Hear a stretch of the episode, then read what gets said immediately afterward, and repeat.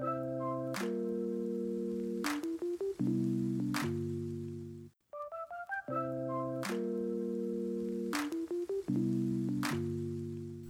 jeg hedder Lasse. Og jeg hedder Hasse. Og du lytter til Modstjernerne med Hasse og Lasse. Det her podcastet, hvor to rumnørder snakker om nyheder inden for rumfart, astronomi og alt derimellem. Så Hasse, hvad skal vi snakke om i dag? Jamen, jeg tænkte, vi kunne øh, lægge ud med lige at snakke lidt om, om Perseverance. Den er jo, vi snakkede om i sidste afsnit, den var landet på Mars, hvilket i sig selv var vanvittigt fedt. Og nu har NASA så været ude og øh, hvad man sige, levere lidt, lidt mere information og lidt, lidt flere billeder og videoer fra landingen. Det er jo det sejeste. Ja, jeg så godt, der var sådan et, øh, et lille kort videoklip med, hvor de smider varmeskjoldet blandt andet. Helt vildt fedt, og sådan se altså sådan en reel video fra en anden planet, det er totalt underligt. Men er vant til de der stillbilleder, ikke? Men lige sådan videoklip, det er så lidt, øh, det er så lidt blæret. Ja, og det er jo, altså det er fra, alt, der er jo så mange kameraer ombord på Perseverance, og hele sådan, hvad man siger, kapslen, der skulle ned igennem atmosfæren.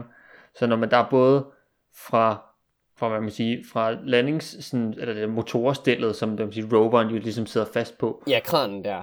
Ja, kranen simpelthen. Så bare kameraet ned mod, hvad man siger, ned mod roveren, men også den anden vej op mod, hvor faldskærmen bliver foldet ud. Og når man så ser den bare lige, fum, blive foldet ud, og så, ja, ah, men det er bare, det er så fantastisk. Og apropos faldskærmen, så var der jo en hemmelig besked gemt i, øh, i den. Jeg ved ikke, om du så det, men der var, den var jo sådan farvekodet, og så skulle man, ud fra hvordan de pegede, så kunne man skrive et eller andet. Hvad var det, der stod? Dare Mighty Things, tror jeg, at, øh, at der var nogen, der ja, kom frem til. Det tror jeg også, der var nogen, der havde simpelthen, jeg, hvad man sige, uh, decoded den her, den her besked, og det er, ja, det er så JPL, så Jet Propulsion Lab, som uh, har været en af de store man sige, afdelinger hos NASA, som laver det her, og det er jo altså bare, det er sådan noget, det er dejligt nørdet. Øh, jeg, jeg så også de, til Curiosities øh, jul, så havde de i, øh, havde det fået skrevet med, med morskode i hjulet øh, JPL, altså Jet Propulsion Lab. Så når den kørte rundt, så lavede den i princippet JPL som et morskode, da den kørte. når, når den kørte rundt på sandet, ah okay, det er rimelig fedt. okay, det er pænt bladet. Det, uh... Generelt uh, så er der jo kamera rundt der på hele, hele roveren, og det, det, det tager også nogle gange billeder af sig selv, og der er ret mange små sådan, gimmicks. Uh, jeg så også, at der var sådan en lille uh, familieportræt på en eller anden led, hvor det var sådan en lille tegning af alle de tidligere rover, NASA har sendt afsted, så uh, Sojourner og Opportunity og Curiosity og så videre. Sådan en lille, du ved, den der klassiske familie-sticker, man har på, på bagsiden af... Af bilen. Ja, hvor der lige er sådan far mor børn -agtigt. Ja. Og, ja, Ingenuity var også, også med som sådan en lille bitte en lille helikopter, der også er med. Det er meget hyggeligt. ja, jeg, synes, jeg synes, det er fint, at de lige har, har lavet sådan nogle små ting. Der, der er mange små ja. sådan, detaljer om, rundt omkring på den der rover. Det er altså lidt hyggeligt. Ja, men øh, jeg tror lige, vi, vi smider lige et link øh, til, hvor man kan se den her, øh, den her landing her. Også bare lægge mærke til, når, når man kan ligesom se, når den smider øh, faldskærmen, og den går til raketkraft øh, til at, at sænke sig ned. Det er altså bare, det ser vanvittigt ud. Altså, det er bare blæret. Det er så pænt cool. Fra øh, Mars til, tilbage til Jorden, øh, så, øh, så er der en lille nyhed omkring øh, Indien og Brasilien og øh, deres øh, lille samarbejde, de har kørende nu her. Okay, det er ikke lige to nationer, jeg lige vil tænke, jo. Nej, øh, øh, ikke umiddelbart vel, men, øh, men de har simpelthen været i gang. Så, øh, så Brasilien, de har øh, lavet en satellit, som hedder Amazonia 1, og den er simpelthen blevet sendt i et polært kredsløb her i, i morges, øh, men øh, simpelthen gjort, at det indiske rumagentur øh, ISRO, Indian Space Research Organization. Så de har simpelthen sendt en, øh, en satellit i kredsløb. Hvad, hvad skal den? Jo, ja, den skal, det er simpelthen en satellit, der skal altså, kigge i det, i det visuelle. Så skal den simpelthen holde øje med, altså Amazonas primært.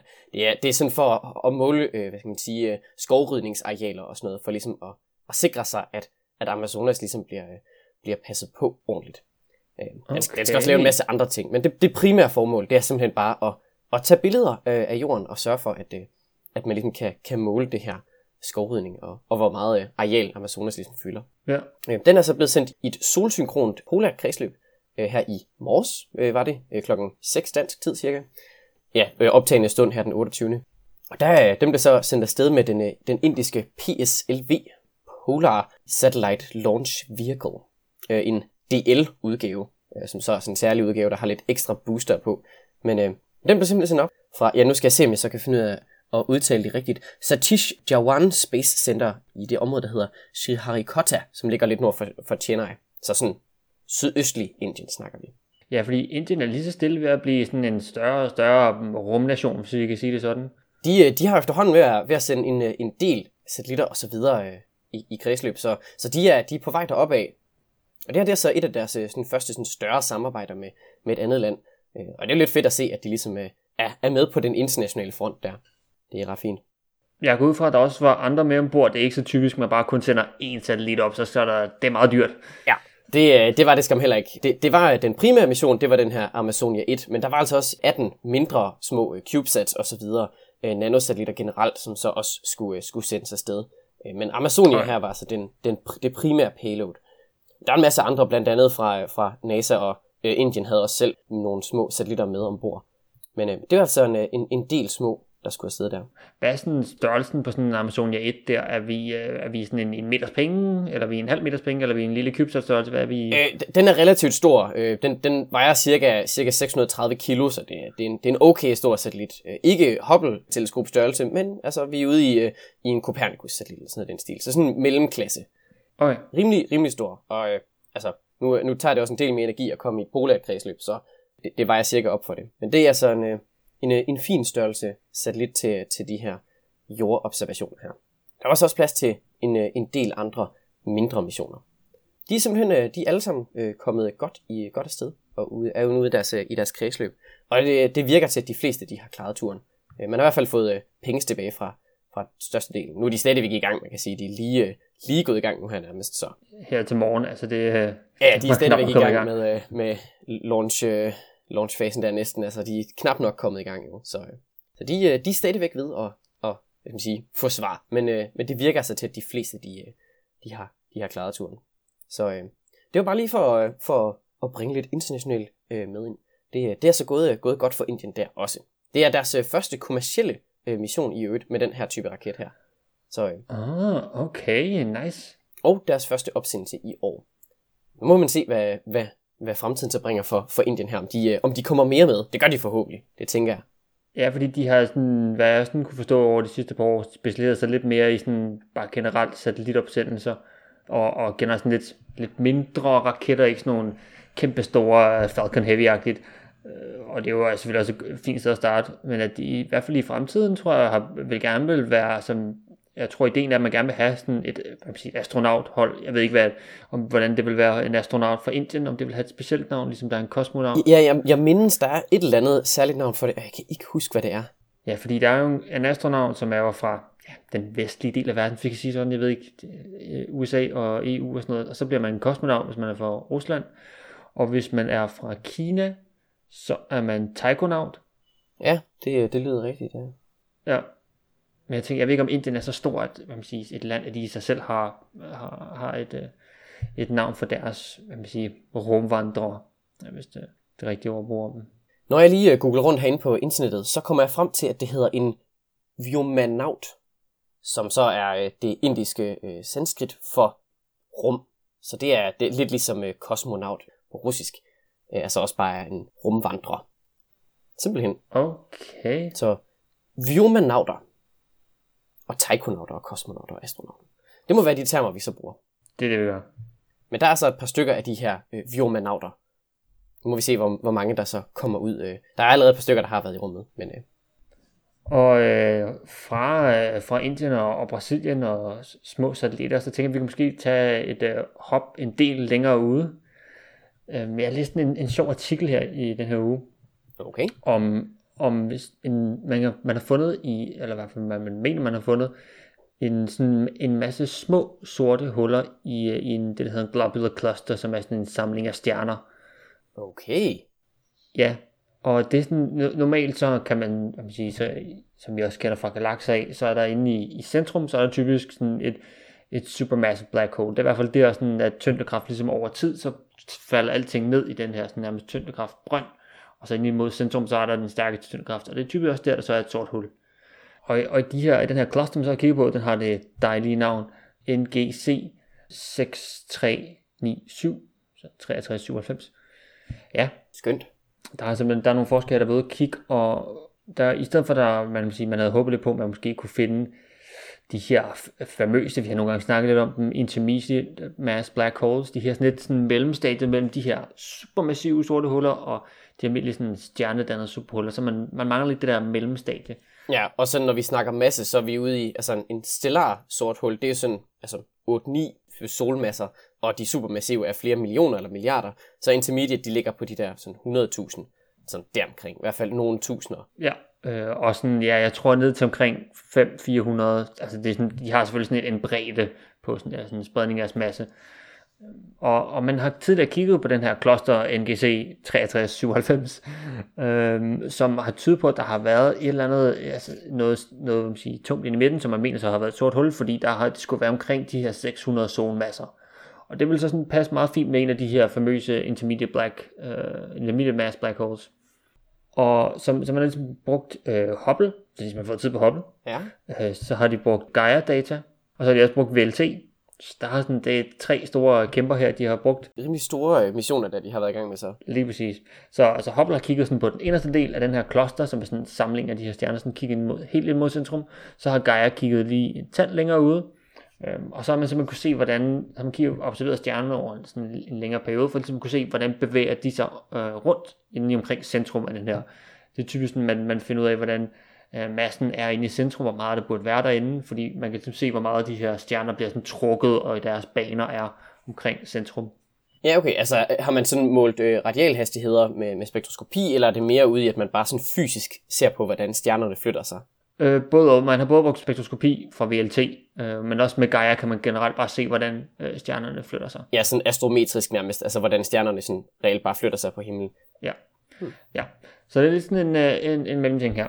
Og så selvfølgelig så sammenligner man så med de antal stjerner, man kan se, og så ser man ligesom, hvor meget masse, der mangler derinde i, i centrum, for at de kan bevæge sig i de her baner, og så må man sige, resten må så cirka være i, i, i et sort hul.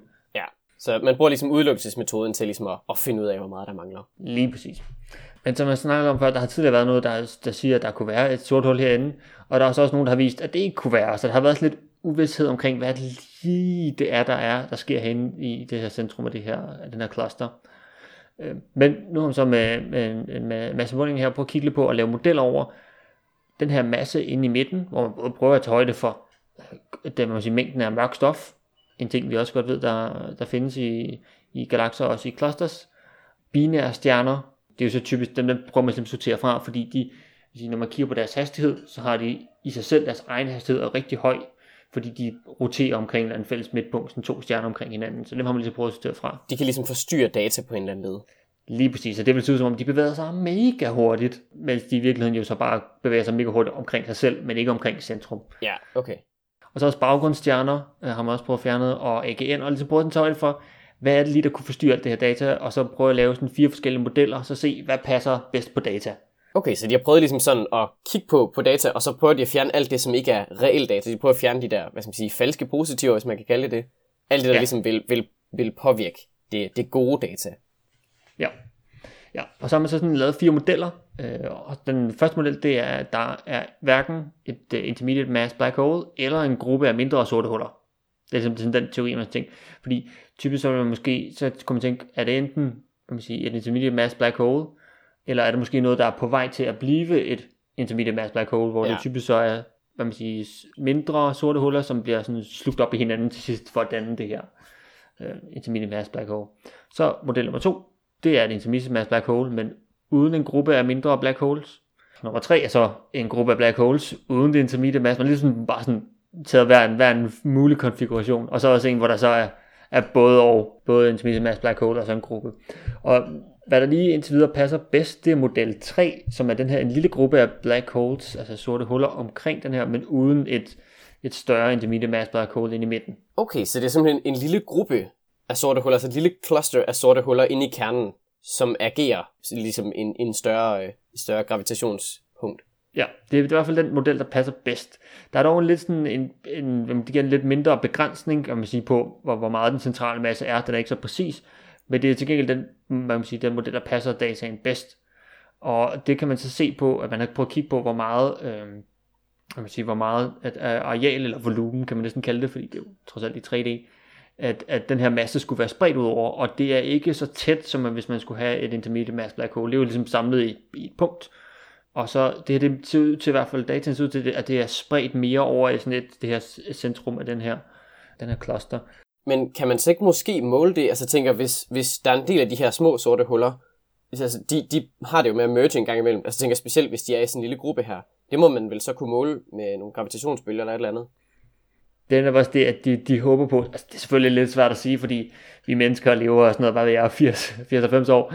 Øh, men man krydser fingre for i hvert fald, at, man vil kunne, at det vil kunne give mulighed for, at når der er sådan en, en, en kloster, altså en samling af små øh, sorte huller, at de på et tidspunkt, så vil nogle af dem måske stå sammen, og så netop som du siger, man kunne måle det med, med Virgo og LIGO, øh, med de her gravitationelle bølger, og så, så simpelthen se dem øh, nærmest blive dannet. Og man siger, når man har sådan en kloster, så er det selvfølgelig en større sandsynlighed for, at der vil nogen, der kunne være stået sammen. Ja, så i stedet for bare at, at vente på, at der sker en, en merge et eller andet sted, så ved man ligesom, okay, der kommer højst sandsynligt til at ske en i den her retning, så lad os holde lidt ekstra øje med, med det område herover.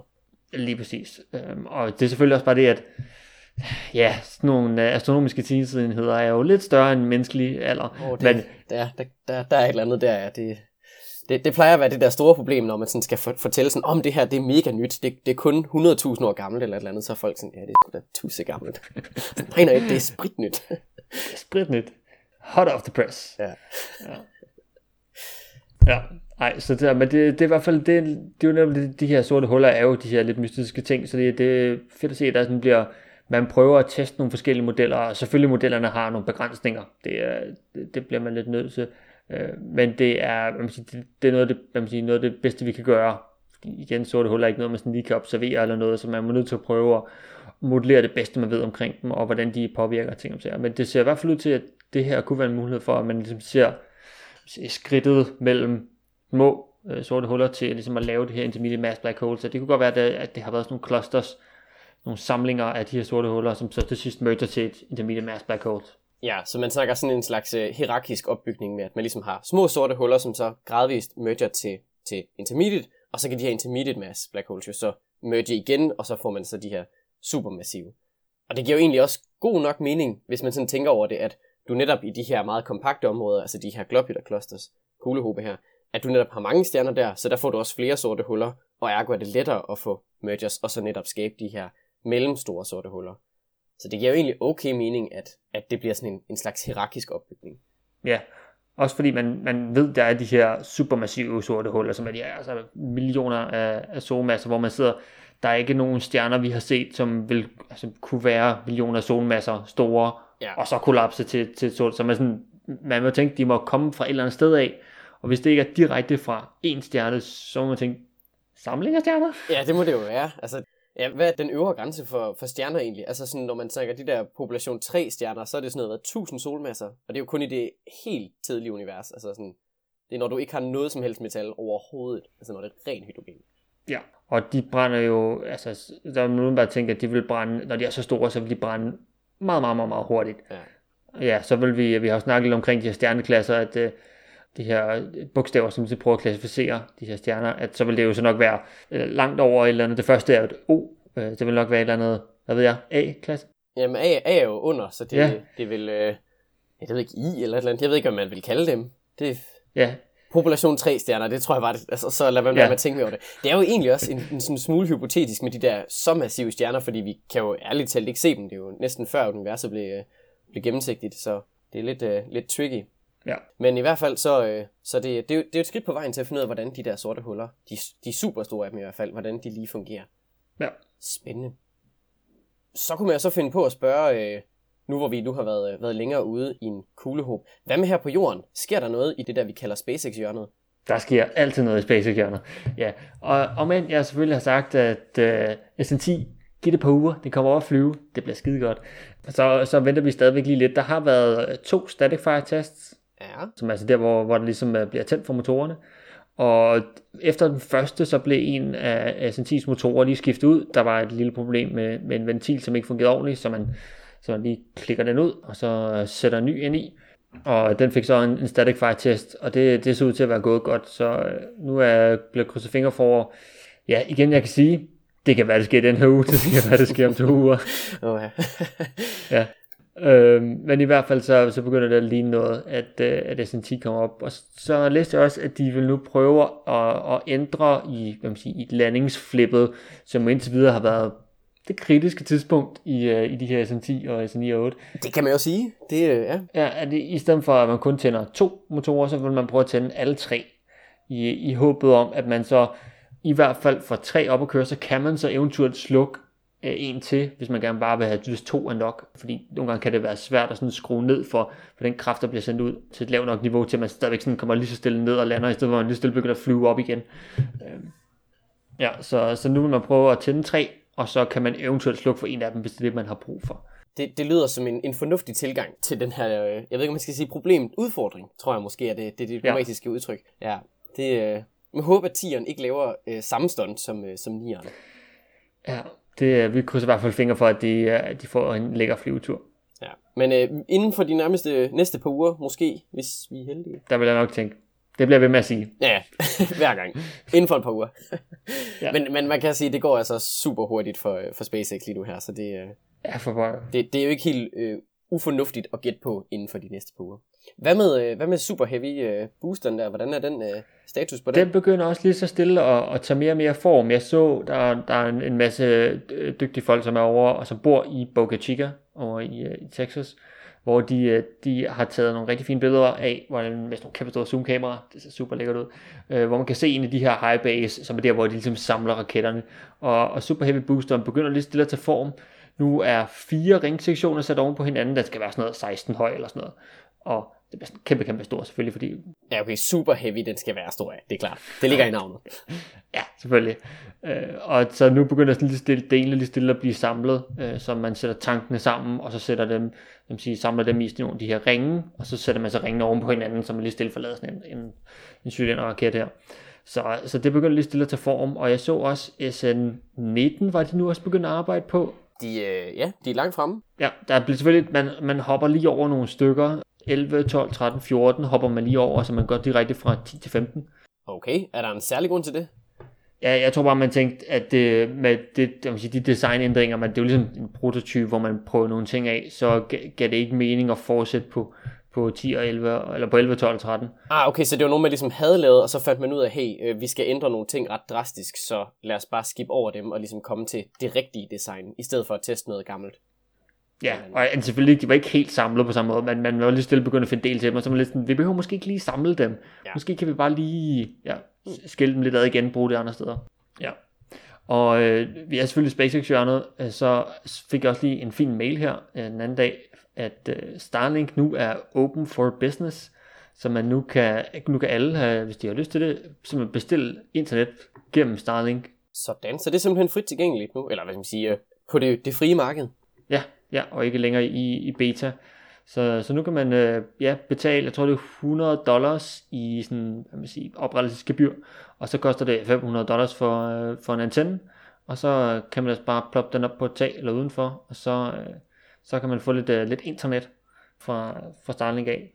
Ja, det er sikkert øh, super praktisk, hvis man ikke lige bor øh, i, i et så privilegeret land som Danmark, men måske mere ude på øh, ja, Lars Tønskeds mark, eller hvad man nu skal kalde det. ja, hvis du bor i Vestjylland, så kan det måske være en mulighed. jeg tænker, det er i hvert fald en fordel for nogle af de der øh, amerikanere, der bor lidt langt ude på landet. Der, der er det nok, ja. nok ret rart. Eller Alaska for den sags skyld. Jeg tænker, at det er en, en fordel for dem at have lidt, lidt satellit-internet i stedet for. Nice. Det er godt at høre, det, at der, er lidt, der sker lidt der også. Selvfølgelig stadigvæk, øh, jeg er stadigvæk, jeg er en lille smule skeptisk. Det, øh, det kan godt være, at jeg, jeg er negativ på det punkt, men jeg er altså ikke så glad for, for 60.000 satellitter i kredsløb på en gang. Det, øh... ja. Men det, øh, ja, det er også bare Kessler-syndromet, der, der, der spiller. Det synes jeg ikke, vi skal, vi skal ende ud i. Men, men, men, det, øh, indtil videre går det meget godt. Jeg tænker ikke, vi har så mange flere nyheder til jer i, i den her gang, så hvis I har ris, ros, ting, vi skal snakke om, videoer, du gerne vil dele med os af Perseverance roveren, du har fundet, så kan du sende mail til os på modstjernerne Husk at følge os på Instagram, og selvfølgelig at følge podcastet på din yndlingspodcast tjeneste. Vi snakkes ved i næste uge.